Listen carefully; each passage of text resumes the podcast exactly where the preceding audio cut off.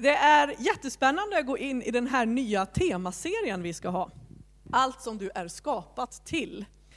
Och den eh, kommer bli jättespännande. Vi har ju vår, vår triangel, upp, in och ut sedan tidigare, det har ni hört många gånger. Och det här är en påbyggnad om den som handlar om hur Gud bygger sin församling. Och vad, vad Gud har tänkt för de heliga. Det är ju ett fantastiskt ord.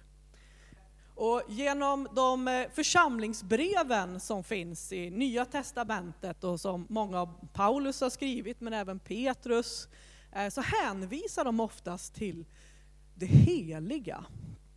De heliga i en stad eller i en by eller en trakt.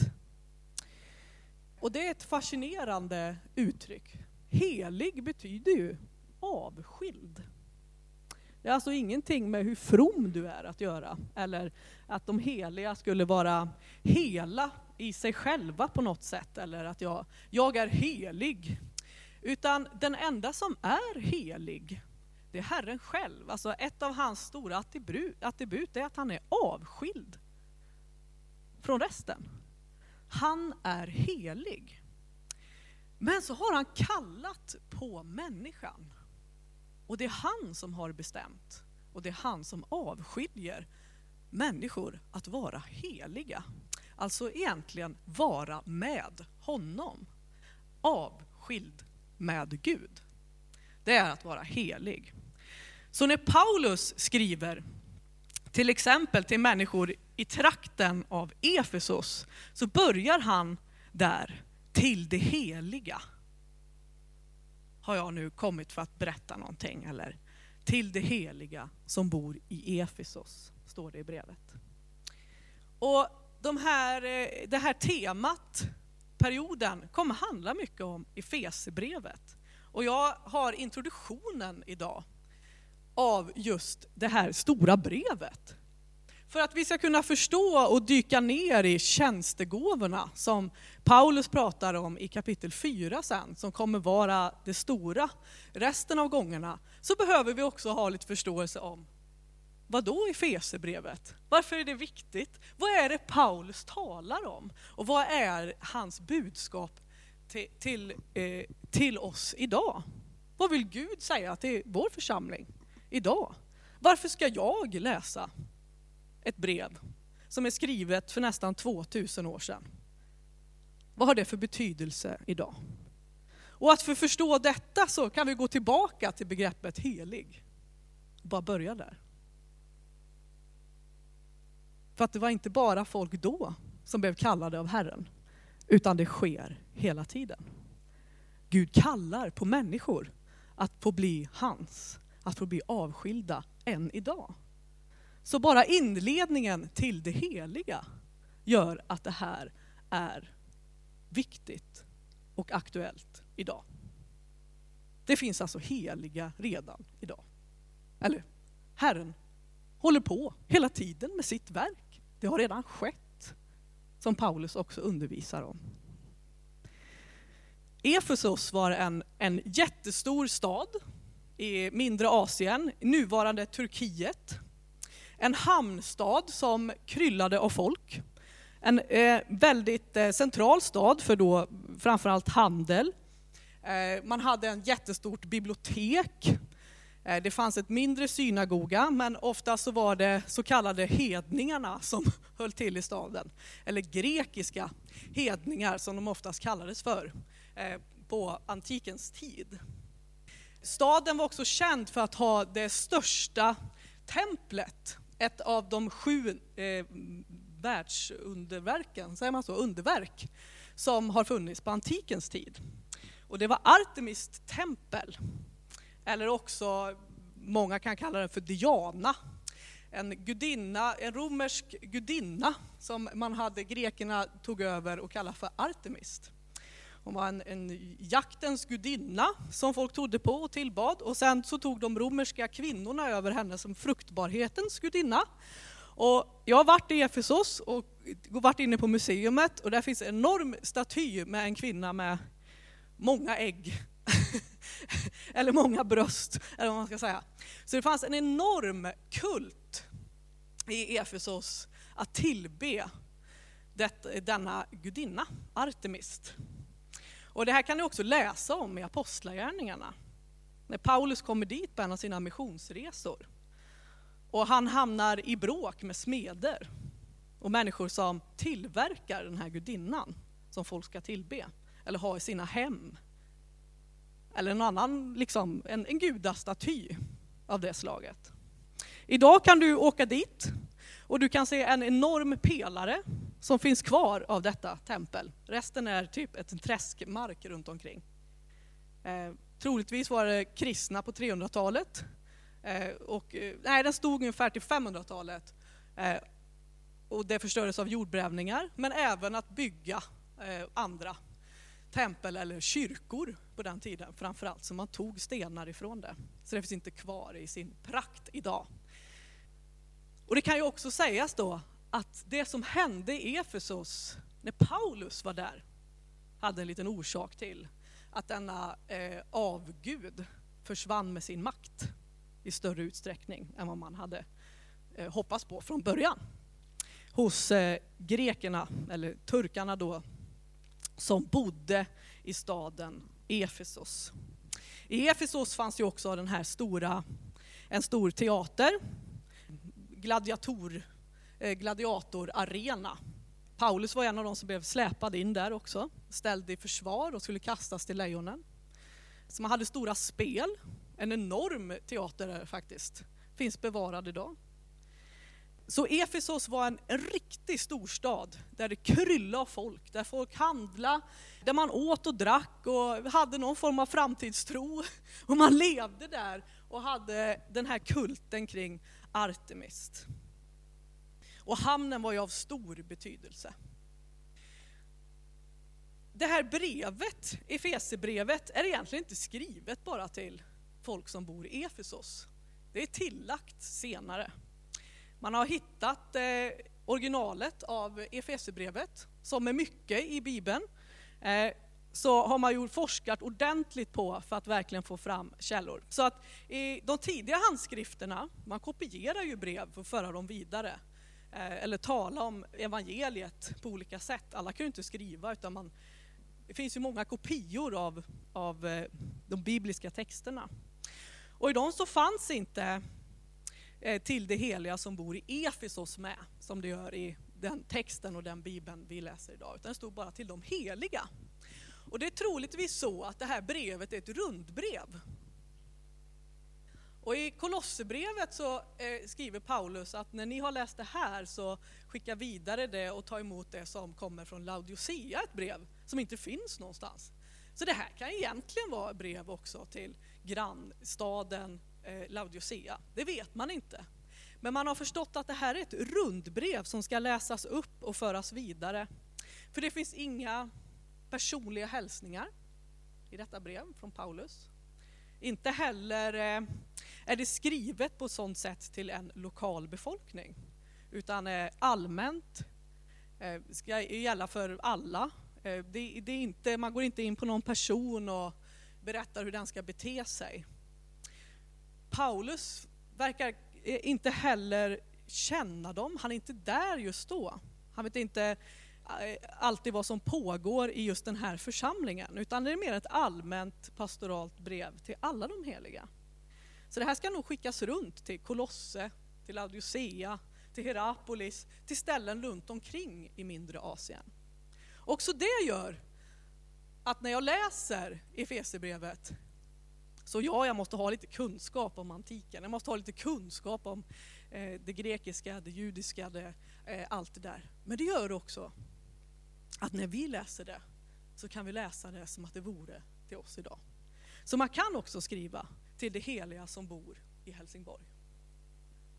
Det är ett rundbrev till den kristne. Till den som tror på Herren. Paulus skriver nog det här år 60 till 63 när han är, sitter i fängelset. Det vet vi, för han skriver att han är i bojor. Han är troligtvis i Rom, så det är ungefär samtida. Kolosserbrevet kom nog först. Men någonstans där, eh, år 60, någon gång på 60-talet, så har det här kommit till. Och vi vet att Paulus vistades i staden Efesos och i trakterna runt omkring där i tre års tid. Och det vet vi från Apostlagärningarna. Och syftet med hela brevet är väldigt intressant. Det är mycket upprepningar. Det är mycket därför jag ber.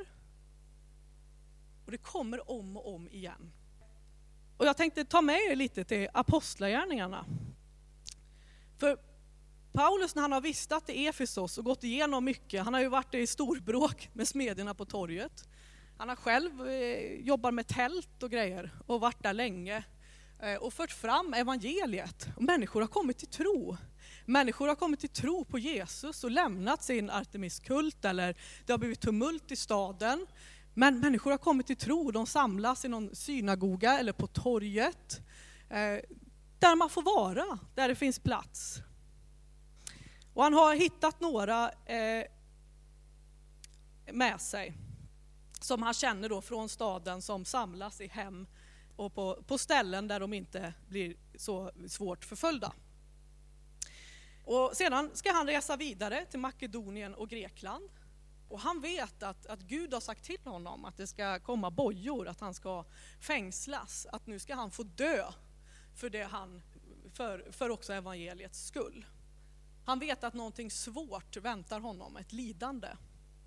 Och han hör av sig till människorna i Efesos när han ska lämna stället. Han är inte just där då, utan han har rest iväg. Men de äldste, då kan man säga att det är typ ledarna för de heliga i Efesos, kommer dit. Eh, de som har kommit till tro och kanske bjuder in folk till sina hem för att be tillsammans, för att lovsjunga tillsammans, för att få leva ett liv med Gud, med Herren. Och Paulus, han var orolig innan han skulle eh, åka vidare, för han visste vad som väntade honom. Men han hade också, blev också orolig över e, de i Efesos. Och det, jag tror att det här brevet också är skrivet med ett syfte av, både som varning men oerhört uppmuntrande till att fortsätta leva med honom som har nu friköpt och återlöst dem. Att fortsätta vara kristen i en miljö där att vara kristen är, är, är inte tillåtet eller förnedrande på olika sätt i staden. För han samlade äldste och först så säger han så här. Att han har, eh, eh, eh, han har fört fram Guds plan för dem. Han påminner dem igen om, om vad Kristus har gjort och vad han har, har gjort. Ty jag har inte varit rädd för att delge er allt som hör till Guds plan, säger Paulus. Alltså han har verkligen lagt fram allt. Han har verkligen försökt att, oj vad viktigt. Jesus han är den ende. Och jag har fått utstå hur mycket som helst för att få möta er i Efesos och berätta det för er. Eh, och det vet de om. Jag har berättat allt som hör till Guds plan. Och i Efesierbrevet så säger Paulus att ni ska få möta och veta uppenbarelsens, fullhetens, vishetens, uppenbarelsens ande. Allting, all kunskap om fullheten av Kristus ska komma er till lags. Det är därför Paulus håller på. Det är därför han åker på de här missionsresorna. Det är något otroligt Paulus bär på och som han har levt för hela sitt liv. Men så säger han också till dem, ge akt på er själva och på hela den jord som det heliga anden satt er att ha uppsikt över. Och nu är Apostlagärningarna 20. Och han säger det till dem i Efesos. För att ni ska vara herdar för Guds församling som han har vunnit åt sig med sin sons blod. Och det är liknande av som står i Efesierbrevet, som ni också hörde, att vi är friköpta av Jesu Kristi blod. Vi är vunna. Den helige, den kristne är vunnen och har trätt in i Guds rike. Men jag vet att när jag lämnar er ska farliga vargar som inte skonar jorden tränga in bland er. Ur era egna led ska det träda fram män som förkunnar villoläror. Och i annan översättning står det förvrider sanningen. för att dra lärjungar över på sin sida. Håll er därför vakna och kom ihåg att jag i tre års tid, dag och natt, har väglett var och en av er under tårar. Och nu anförtror jag er åt Gud och hans nåderika ord, det som kan göra er till hans byggstenar och ge er arvslott bland dem som helgats. Det här är en liten, litet tal Paulus har innan han drar vidare till dem i Efesos. Sen, några år senare, så kommer brevet som ska gå runt och som innehåller ungefär liknande liknande innehåll som i Paulus tal till dem. Paulus har sett att de i Efesos, de heliga som bor omkring där, ska få möta problem på olika sätt. Människor som ska förvrida sanningen om vem Gud är, vad Kristus har gjort och vem den helige Ande är. Och vad den helige Ande kommer att ge och göra för den kristne i sitt liv.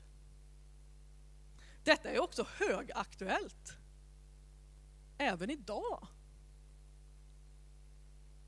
Paulus största syfte, ska jag säga med Efesebrevet, det är också då att introducera dem i att, han är oerhört positiv här, att för att bestå, eller för att veta den rätta sanningen, hålla sig till Herren, det är att lära sig om honom.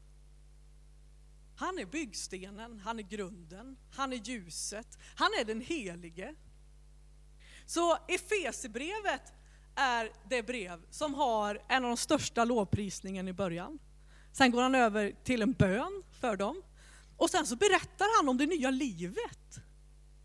Om ni visste, ni som han kallar för de heliga redan, att det finns ännu mer av Gud att få. Så kommer ni bestå inför den här världen eller vad det än kan vara som möter er. För ingenting kan skilja oss från Guds kärlek, skriver han till romarna. Men här skriver han att ni ska eh, få fördjupa er i Guds kärlek. Längden, höjden och bredden. Att Guds ande ska komma med vishet och uppenbarelser i sådana överflöd så att ni ska nå Kristi fullhet. Eller begripa mer av vem Gud är. För om ni ägnar er åt det så finns det inget som kan stå emot den kristnes liv. Oavsett nation, diktator, Satan själv, omöjliga uppdrag, problem.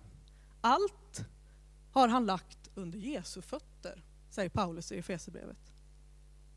Allting är lagt under honom. Allting ska sammanfattas i Kristus. Och detta är ju helt fantastiskt. Så fast då de här människorna som han har skrivit till redan är kristna, han skriver ju att de är heliga, så är de inte fullkomliga. Du kanske kom hit och trodde att du var det idag. Men, men det finns en vandring med Gud att göra som är amazing. som är någonting som Paulus försöker pränta in. Han säger, påminn dig själv först och främst om hur det var när du inte kände Gud. Det säger han i varje kapitel nästan i Efesierbrevet. Sen så påminner han dem, vad har du nu fått eller vad finns hos Gud som du kan ta emot? Och som ni bör ta emot mer och mer. Lev nu inte som att ni vore liksom fattiga på något sätt, utan vi har en rik Gud som vill ge. Och som är så god. Och av nåd är du här. Det pratar han om. Man kan gå in mycket på förutbestämmelsen i början. När du och jag läser, eller vi fick höra här i början, så var det enormt att före jordens grund var lagd så hade Gud utvalt dig. Det kan ju tolkas på två sätt, som någon predestination, att du är här idag det, det, är faktiskt rätt att du är här idag, inte på grund av att innan du föddes så sa du till Herren, fräls mig. Du har ingenting på det sättet med Herren att göra. Utan det är genom hans egen vilja och beslut att du har mött honom. Du har inte påverkat hans beslut. Det är det det menas. Det är en av, av, av begreppen. Att du är här idag, att du har mött någon form av, av Guds ljus, hans ande, att du har kommit till tro på Jesus. Det är hans beslut. Du har inte påverkat hans beslut, att han har kallat dig. Du var kallad innan. Och det är det Paulus börjar med i hela sin lovprisning. Att alla de heliga, ja de är avskilda av Herrens vilja, inte av sin egen. Så kan man se på de svåra orden kring predestination eller förutsbestämmelse. Han går ju så långt och säger att nu har all himmelsk välsignelse kommit till del i församlingen, till den som tror. All himmelsk välsignelse. Allt det där Gud är, den Gud, eh, där Gud bor, vem han är, allt han, allt han har, hela sitt hjärta är på ett sätt öppet och blottat för den helige.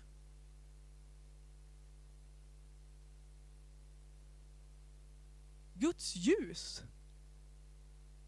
Guds hjärta, Guds hjärta ska blottas för människan. Det är det Paulus ber om. Att ni ska få ta del av uppenbarelsen och vishetens ande. Det är att bli blottad, eller att Guds hjärta blottas inför ditt liv. Men det är helt fantastiskt. Så allt det du är skapad för, det här temat vi har, det är vad Gud har att ge utifrån hans kraft, hans liv och hans hjärta, vad han blottar för sin församling. Och det är enormt.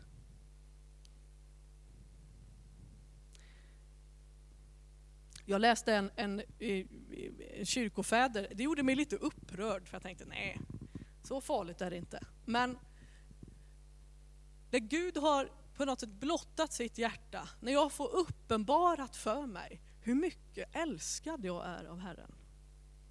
Vad Jesus har kommit att göra över mitt liv. Och hans frälsningsverk innebär att vi här idag, eller det heliga, står med i någonting helt fantastiskt.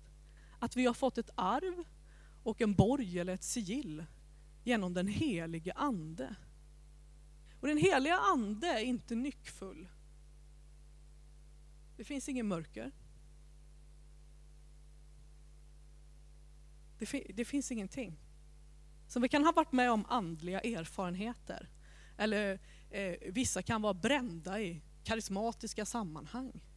Eller brända av icke-karismatiska sammanhang, vad vet jag. Men en sak är säker, Guds helige ande är inte nyckfull. Det finns ingen mörker. Och Gud vill ge oss av sin ande. Sen kan man bäva inför det. Eller fundera på vad betyder det här i mitt liv? Att Gud vill ge av sig själv och sin ande.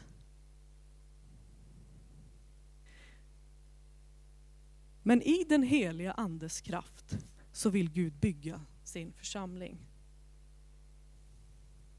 Sina heliga ska få leva ett liv med Gud här och nu. Det är det Jesus har gjort. Och när det går upp för mig, ja då får jag ta emot mer av, av Guds kärlek och Guds närvaro i mitt liv. Då vågar jag leva öppet och be Herren kom över mig. Fyll mig på nytt.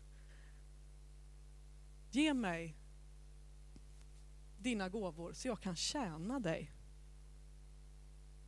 För du är god mot mig. Du är god mot din församling.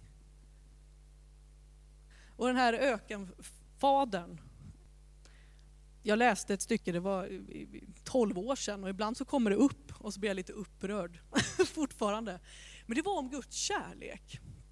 Och jag tror att det här är grunden för hela allt det du är skapad till givetvis. Men också för att du ska kunna leva öppet nu de här eh, temasöndagarna om tjänstegåvor, andliga gåvor och eh, vad Gud har tänkt att bygga i sin församling, om, av, av allt möjligt. Så måste du vara grundad först i Guds kärlek och i Guds nåd. Paulus han är helt glasklar från början i Efesierbrevet. För att ens kunna gå vidare, för att kunna strida, eller för att kunna sova eller för att ha frid, så måste du börja där. Måste ta emot och veta att Jesus är Herren. Annars finns det ingen anledning att prata om några tjänstegåvor.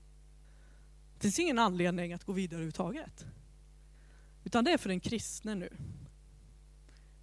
Och den här kyrkofäden sa så här. Man vet att man är grundad i Guds kärlek.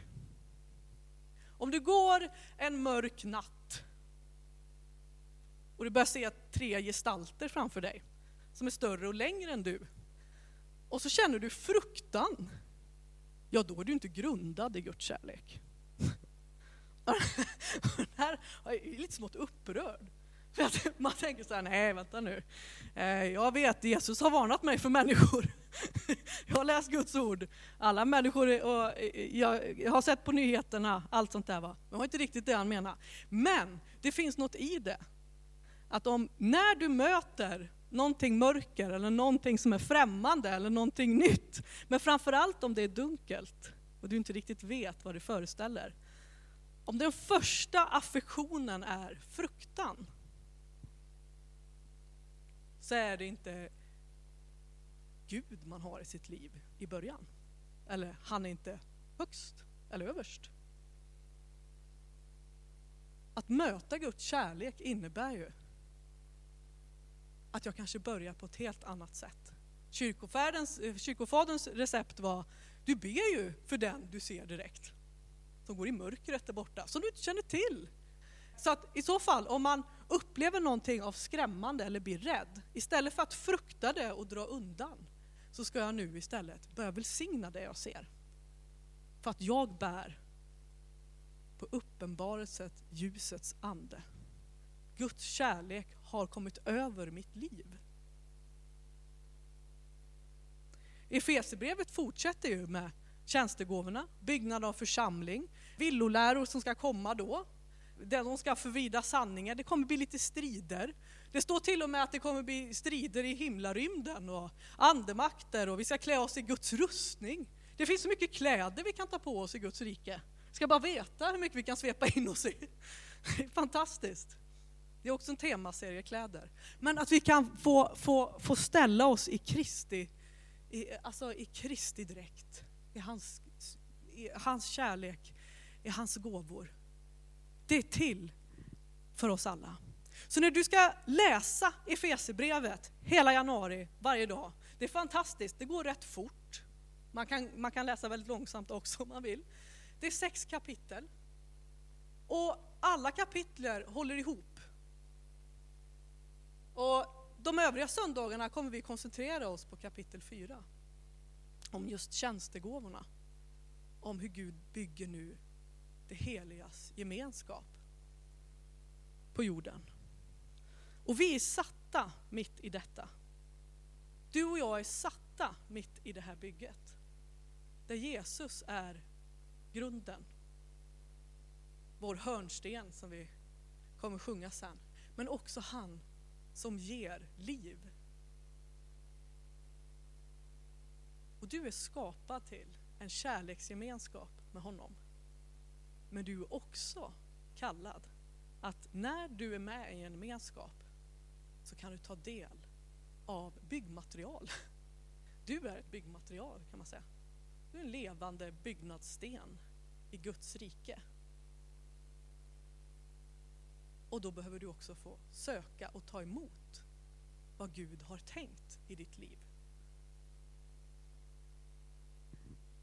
Det är både varnande utifrån om vi inte gör det så försvinner mångfalden.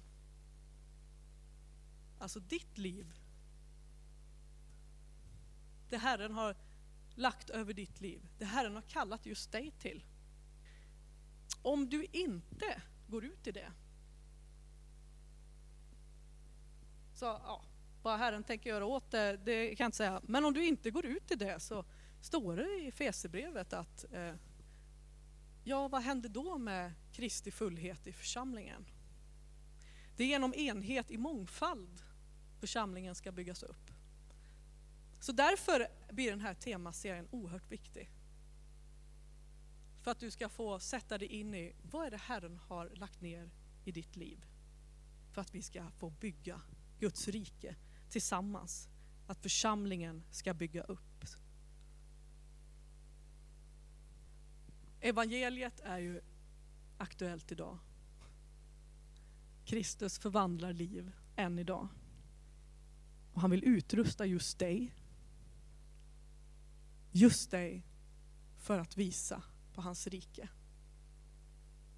Tillsammans idag firar vi gudstjänst till hans ära. Och idag så verkar Guds helige ande med sin kärlek, sin uppbyggelse, sin utrustning för dig. Kanske också bara som den där kyrkofadern var. Att det jag möter, att, Herren, att jag vill ha det av Herren som gör mig till en bedjare, till en välsignare, till en som övervinner världen på olika sätt genom tron han vill ge. Och det vill jag skicka med. Det här är som en introduktionspredikan egentligen för den här temaserien. Att du ska läsa nu i Fesebrevet. Fundera kring också vem du är i, i, i allt detta. Och framför allt fokuset och syftet som Paulus talar om. Att du ska börja se på honom som har allt. Den helige. Den som förmår verka och göra det som han har bestämt.